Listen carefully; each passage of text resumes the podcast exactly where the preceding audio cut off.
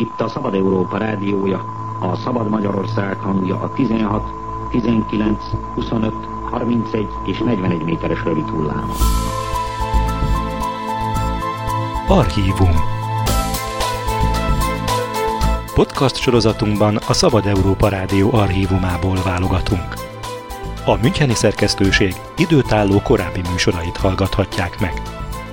Az adás felvételének hangminősége változó, ezen lehetőségeinkhez mérten igyekeztünk javítani. Itt a Szabad Európa rádiója, a Szabad Magyarország hangja. Kellemes rádiózást a Szabad Európával!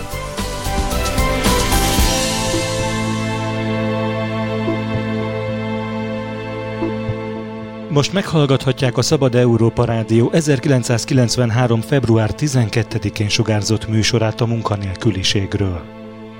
A szerkesztő Kézdi Pál.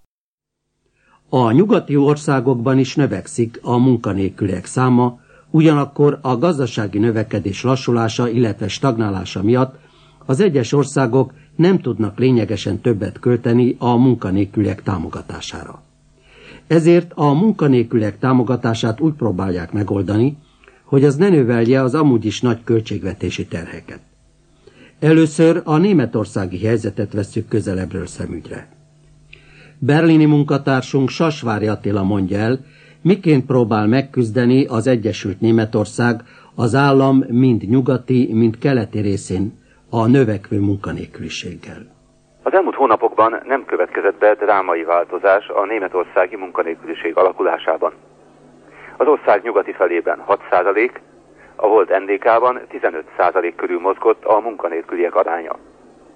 Ez utóbbi, csekélynek nem mondható arány azonban távolról sem tükrözi a kelet-német gazdaság részben összeomlásának, részben átalakulásának mértékét. Az állami munkaerőpolitikai intézkedések, mint például az átképzés, a rövidített munkaidő vagy az idő előtti nyugdíjfizetés, és a központi munkahely teremtő programok közel két millió munkanélkülitől kímélték meg a kelet-német munkaerőpiacot. Állami beavatkozás nélkül legalább minden harmadik ember munkanélküli lenne Kelet-Németországban. A munkanélküliekről való gondoskodás pénzügyi oldala a következőképpen néz ki. Az elbocsátott dolgozó először úgynevezett munkanélküli pénzt kap ami nettó keresetének 68%-a abban az esetben, ha van gyermeke, és 63% ha gyermektelen. A munkanélküli pénz folyósításának időtartama attól függ, hogy az illető hány éves, és mennyit dolgozott az előző években. Néhány jellegzetes példát idézve az ide vonatkozó táblázatból. Kivételes eseteket leszámítva a legkevesebb fél évre fizetett munkanélküli pénz feltétele az, hogy a munkanélküli 360 napot dolgozott az utolsó három évben. Egy évre növekszik a támogatás időtartama, ha valaki legalább két évig dolgozott az utolsó hét évből. És végül a munkanélküli pénz folyósításának maximális időtartama közel két és fél év, ha az illető elmúlt 54 éves, és legalább ötöt ledolgozott a megelőző 7 évből. A munkanélküli pénz lejárta után következik a munkanélküli segély, ami attól függően, hogy van egy gyerek a családban vagy nincs, a nettó kereset 58 vagy 56 százaléka. A munkanélküli segély azonban nem jár úgymond automatikusan, hanem függ a rászorultságtól. Így például nem számíthat munkanélküli segélyre az, akinek a házastársa állásban van. A munkanélküliség utolsó állomása a szociális segély, ami azonban szintén csak akkor jár, ha a családnak nincs egyéb jövedelme tisztán pénzügyi oldalról nézve a dolgot, ez az állapot például egy egygyermekes családnál nem feltétlenül rosszabb, mint az előző helyzet, amikor a családban csak egy átlagos jövedelmű kereső van. A szociális hivatal ugyanis fizeti a családi költségvetés harmadát felét kitevő lakbért is. Továbbá számos természetbeni juttatást nyújt. Gyakorta tehát az a helyzet, hogy közvetlenül csak akkor éri meg munkába állni, ha a család mindkét keresőképes tagja talál magának állást. És különösen akkor, ha figyelembe vesszük a szociális segély kiegészítéseként a fekete munkából adódó kereseti lehetőségeket is. Nehéz lenne persze kimutatni, hogy milyen mértékben játszanak szerepet ilyen megfontolások a munkanélküliség nagyságában. A munkanélküliség kezelésének központi intézménye Németországban is a munkaügyi hivatal. Tevékenysége legnagyobb részét a munkanélküliek regisztrálása és a támogatások folyósítása teszi ki. Úgy tűnik, hogy ez a hatalmas bürokratikus apparátus nem képes érzékelni és közvetíteni a munkaerőpiac változásait.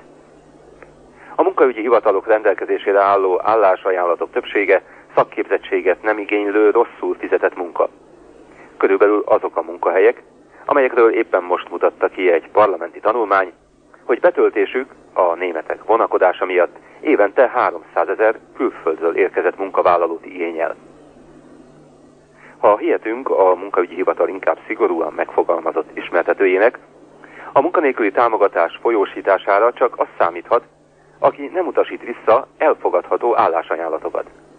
Az elfogadhatóság például azt jelenti, hogy az új munkahelynek nem kell feltétlenül megfelelnie a munkanélküli képesítésének vagy addigi foglalkozásának, hogy távolabb lehet a lakóhelytől, mint a korábbi, hogy a munkafeltételek kedvezőtlenebbek lehetnek, hogy a munkaidő beosztása és hossza más lehet, mint előzőleg.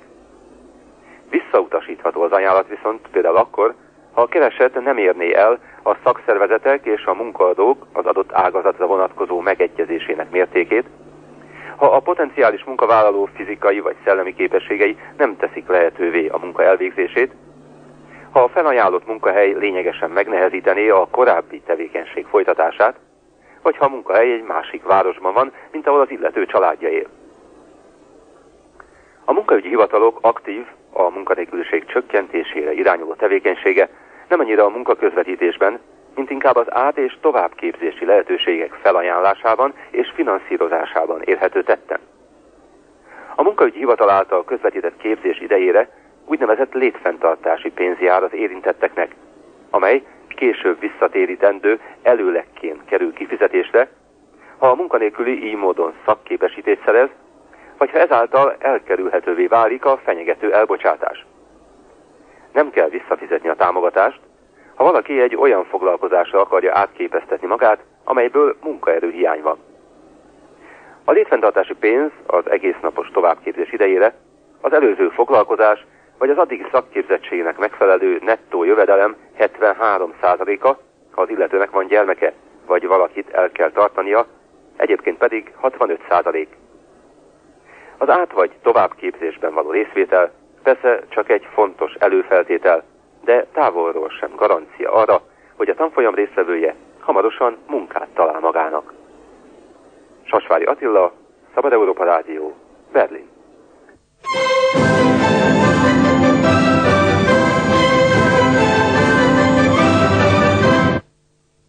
Olaszországban is keresik a munkanélküliség kezelésének korszerű új módszereit. Erről szól Bányász Romából küldött tudósítása. Hány személyből áll az olasz munkanélküliek körülbelül 3 millió főnyi tábora?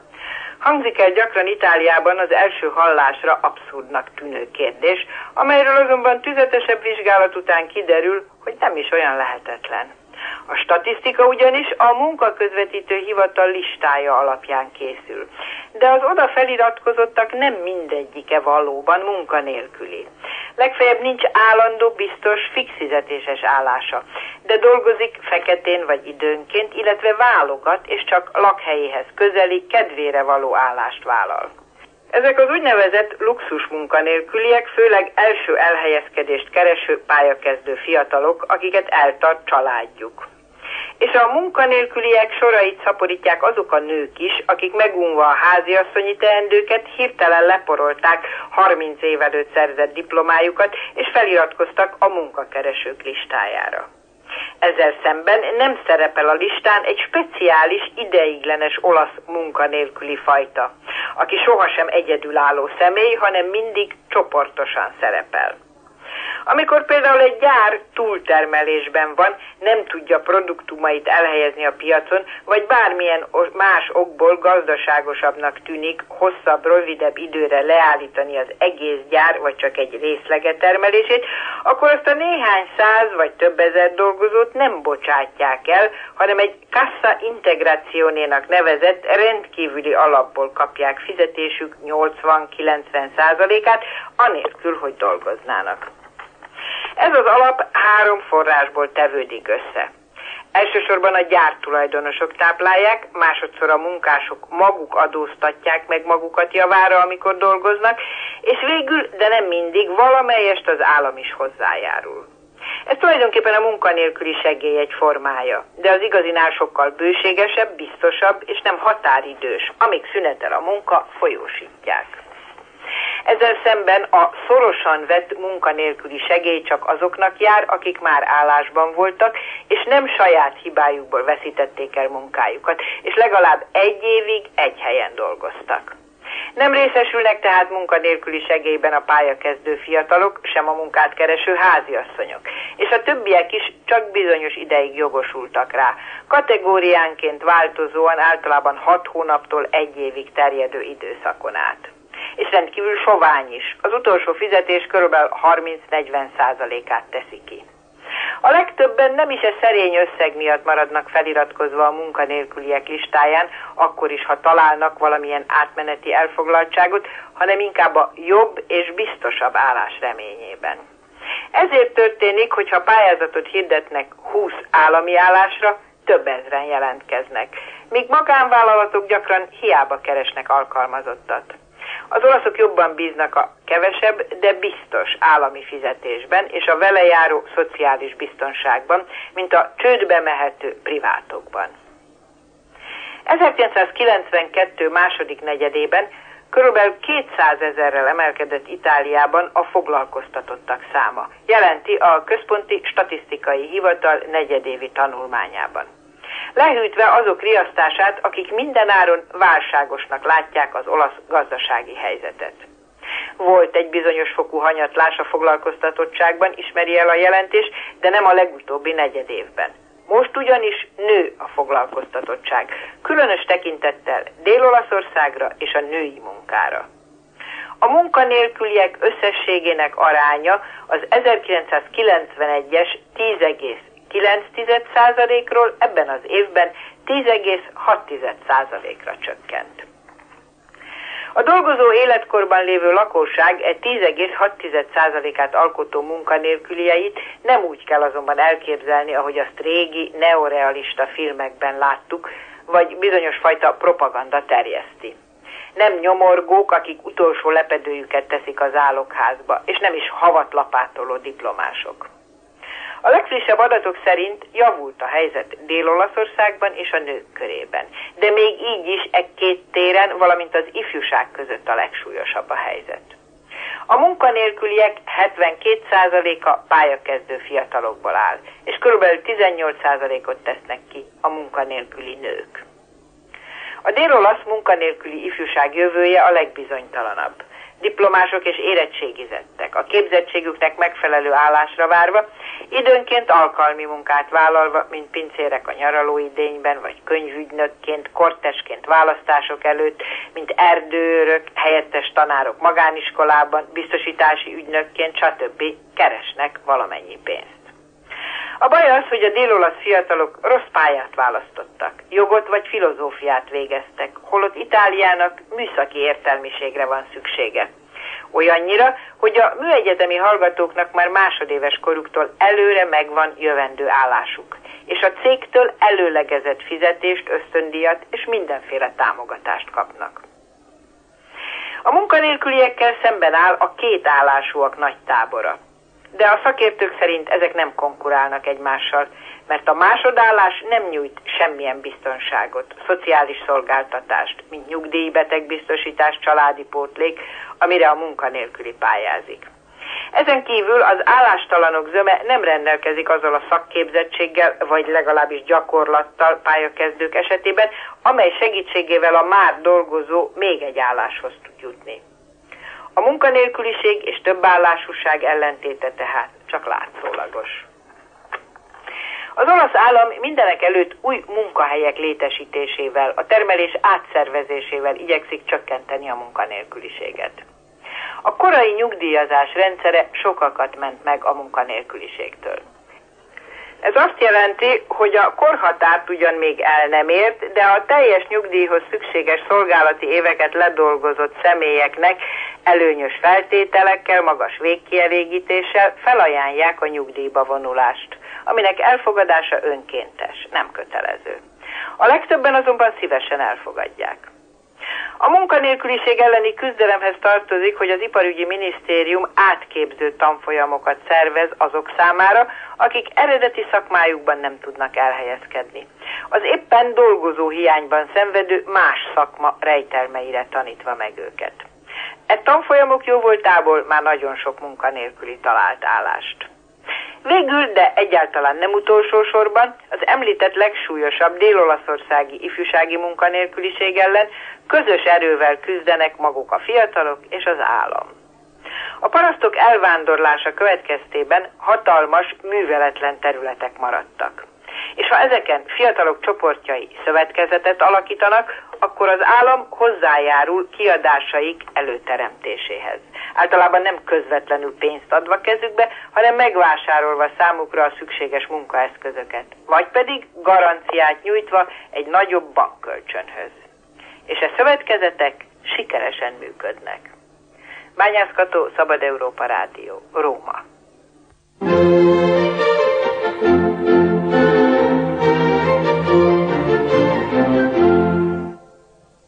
Franciaországban a választások előtt álló szocialista kormányzat számára különösen fontos, hogy hatékonyan enyhítse a növekvő munkanélküliség által okozott társadalmi feszültséget. A részletekről hallgassák meg Párizsi munkatársunkat, Zirkuli Pétert. Öt éve nem volt ennyire síralmas a helyzet, foglalta össze a munkanélküliség francia állását a Liberation egyik kommentárja még tavasszal. A helyzet azóta annyiban változott, hogy a munkanélküliek száma tovább nőtt. Arányait tekintve a 10%-ot közelíti. A nyár elejé adatok szerint pedig a munkanélküliek száma hamarosan eléri az itt bűvösnek tartott 3 milliót. Némelyek úgy vélik, hogy már el is érte, hiszen a hivatalos adat nem vesz számba minden olyan szemét, akinek nincs munkája a 2 millió 924 ezer szám az, amelyiket a munkaközvetítő központ, az úgynevezett ANPÖ tart nyilván. Az egyik tészképzet úgy tartja, hogy a munkanélküliség egyik oka a külföldiek végeznek el, többféle munkát töltenek be számos munkahelyet. A munkaszociológus Pestió monográfiájában ezt adatokkal cáfolja. A szakírók egyetérteni látszanak ezen kívül abban is, hogy a valóban teljes foglalkoztatottság illúzió. Véleményüket nem olvasta, viszont napi munkájában felfedezte az egyik szakmunkás ismerős, amikor friss elbocsátása után így reagált, rég berendezkedtem arra, hogy időközönként nincs munkám hogy ez az időköz mekkora, azt a gazdaság általános helyzete a beruházások fölívelő, avagy lefelé tartó görbéje szabja meg, és egy sereg olyan tényező is, mely nem elsősorban gazdasági. Az említett munkásnak például jó szakmája van, nem esett kétségbe, amikor hirtelen elbocsátották, és elbocsátásának még valódi gazdasági okait is csak annyiban találta, hogy tudta, vállalatának egyik tulajdonosa rosszul gazdálkodott, a társtulajdonos tudta nélkül magánéletére fordította a bevétel egy részét, melyből pedig beruháznia kellett volna. Nyugat-Európa és a tegnapi Kelet-Európa lakói között úgy tapasztaltam, egyfelől a teljes foglalkoztatottság képzete, másfelől meg a munkanélküli intézmények keltett és kelt félreértéseket. Utóbbiak élhetnek tovább, hiszen az a francia munkanélküli, aki már nem jogosult munkanélküli segélyre, olyan minimális havi támogatást kaphat egy ideig, mely forintra számolva bőven annyi, mint egy magyar mérnök vagy tanár havi bére. Megélni persze nem lehet belőle, lévén más viszonyítással alig több, mint egy szociális lakás vagy komfort nélküli párizsi padlásszoba lakbére. És akik ezt kapják, épp azért jogosultak rá, hogy visszataláljanak a munkához. Hivatalos neve is az, hogy újra beilleszkedési minimál jövedelem. Célja, hogy csökkentse azoknak a munkanélkülieknek a számát, akik a munkaerőpiac számára végképp elkallódhatnak. A lassan 3 milliós francia munkanélküli táborból mintegy fél milliósra becsülik azt a tömeget, melyet a munka számára elveszettnek tekintenek. A becslést némelyek túlzottnak, mások embertelennek tartják, a puszta tájszerűség azonban azt sugalja, tudomásul kell venni, hogy amiként vannak menthetetlen betegek, vannak menthetetlen társadalmi esetek is. Az elemi tisztesség, meg az össztársadalmi érdek természetesen az diktálja, hogy velük szemben az a magatartás tanácsos, amelyiket az orvos tanúsít menthetetlen betegével szemben, foglalkozik vele tovább. Ha a keleti Európából szemlélve a munkanélküli segély értékét és a munkanélküli állapot drámai voltát értették korábban félre, Franciaországban kivált munkások, kis hivatalnokok úgy képzelték, hogy ott a tegnapi vasfüggönyön túl minden rossz van, munkanélküliség viszont nincsen. A kölcsönös félreértésnek volt egy közös eleme, megfeledkeztek a munka értékéről.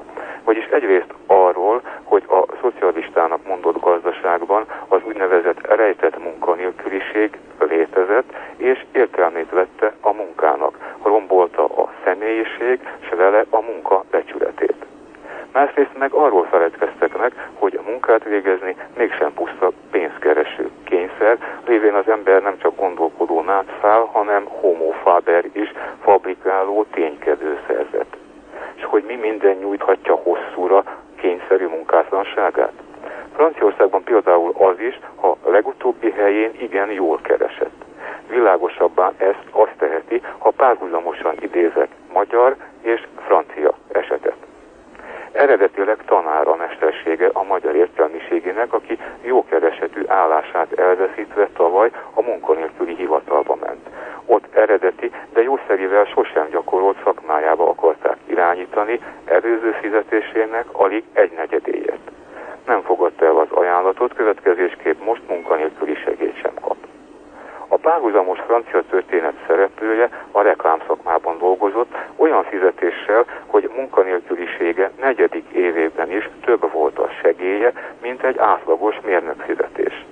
Anyagi gondja így nem pillanatnyi, hanem távlati volt, ám szorongása az idő múltával egyre nőtt. 40 fölött ugyanis mind nehezebb új helyet találni, és az örök keresgélés, készenlét, gyakori és meddő üzleti tárgyalás igen megviselte nehezen, de végül is talált munkát.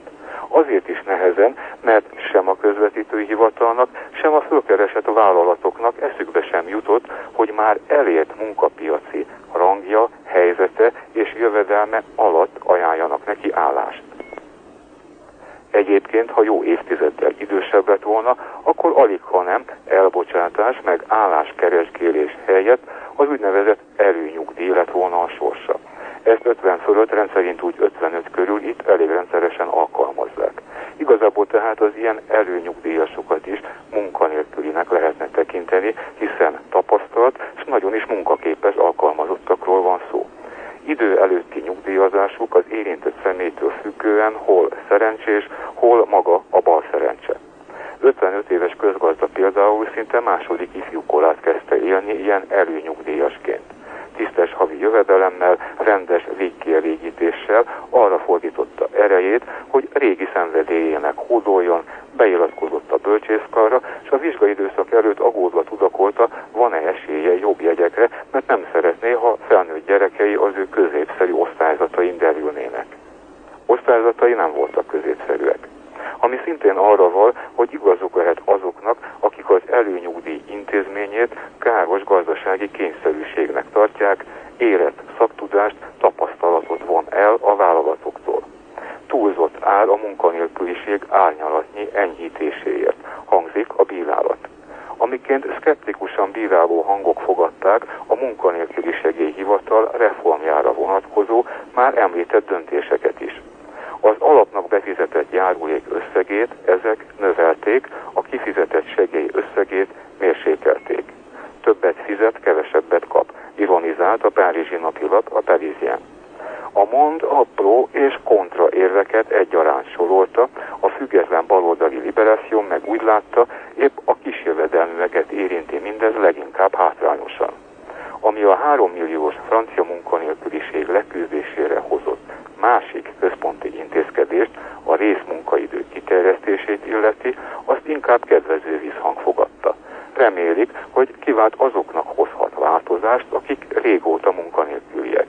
Számuk az 1 milliót közelíti, egész pontosan 900 ezer a hosszú idős francia munkanélküli a részmunkaidőt az állam egyebek közt azzal támogatja, hogy a befizetendő munkáltatói járulékot elengedi, illetve a részarányosnál nagyobb mértékben csökkenti.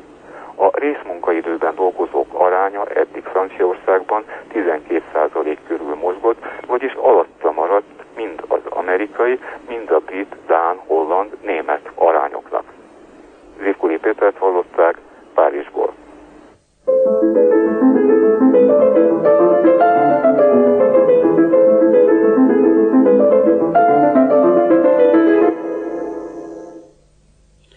Végül nézzük meg, mi a helyzet Finnországban, ahol az egykori Szovjetunió megszűnésével összeomlott a finn ipartermékek számára évtizedek óta biztos keleti piac. Zerimbári Ildikot hallják. A finnországi munkanélküliség alakulásáról, illetve várható javulásáról ma már senki nem mer felelős véleményt nyilvánítani.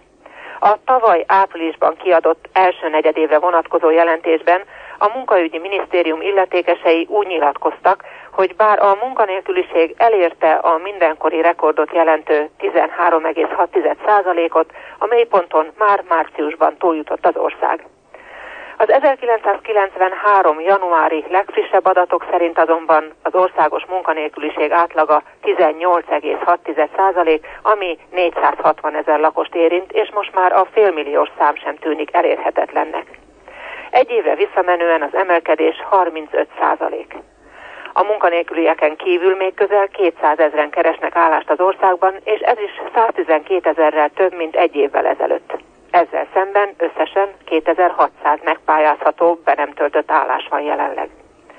A munkahelyek száma jóformán minden szakmában csökkent, legészrevehetőbben az építőiparban, a szociális és egészségügyben, az erdészeti iparban, a közlekedés és a szállítmányozás terén, valamint a műszaki szektorban.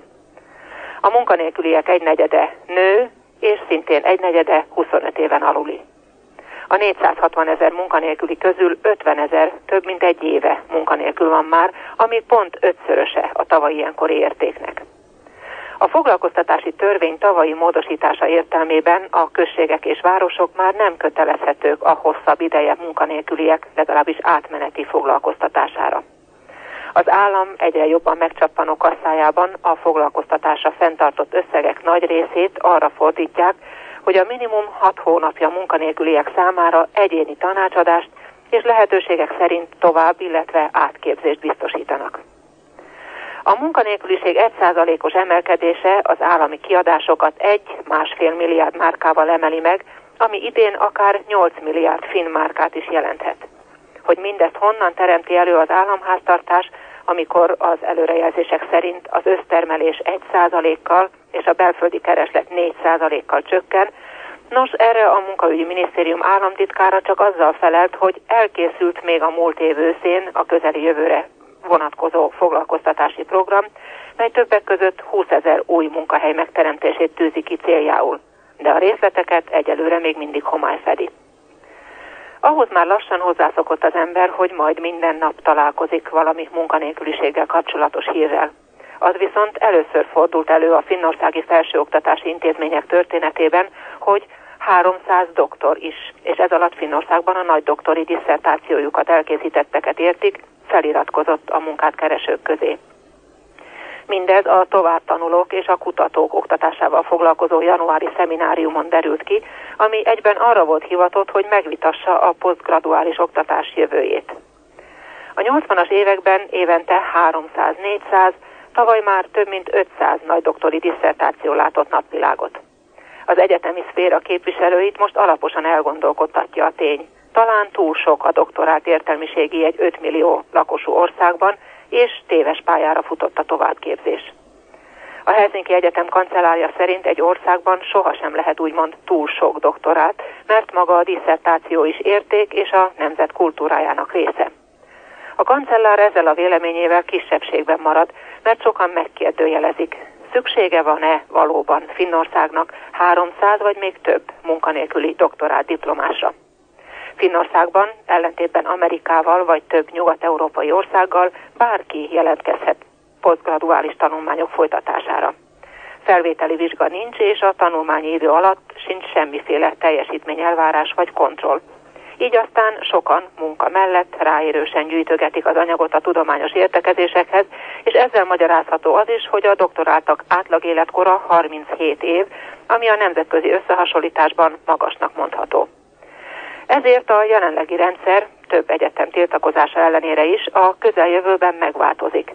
Úgynevezett akkreditációs forma lép majd életbe, ami azt fogja jelenteni, hogy csak azok az egyetemi tanszékek kapnak jogot diszertációs tanulmányok támogatására, melyek elegendően magas színvonalú munkát végeznek, és friss tudományos kutatási eredményeket tudnak felmutatni.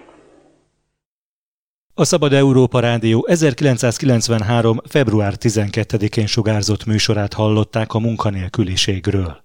Szerkesztette Kézdi Pál.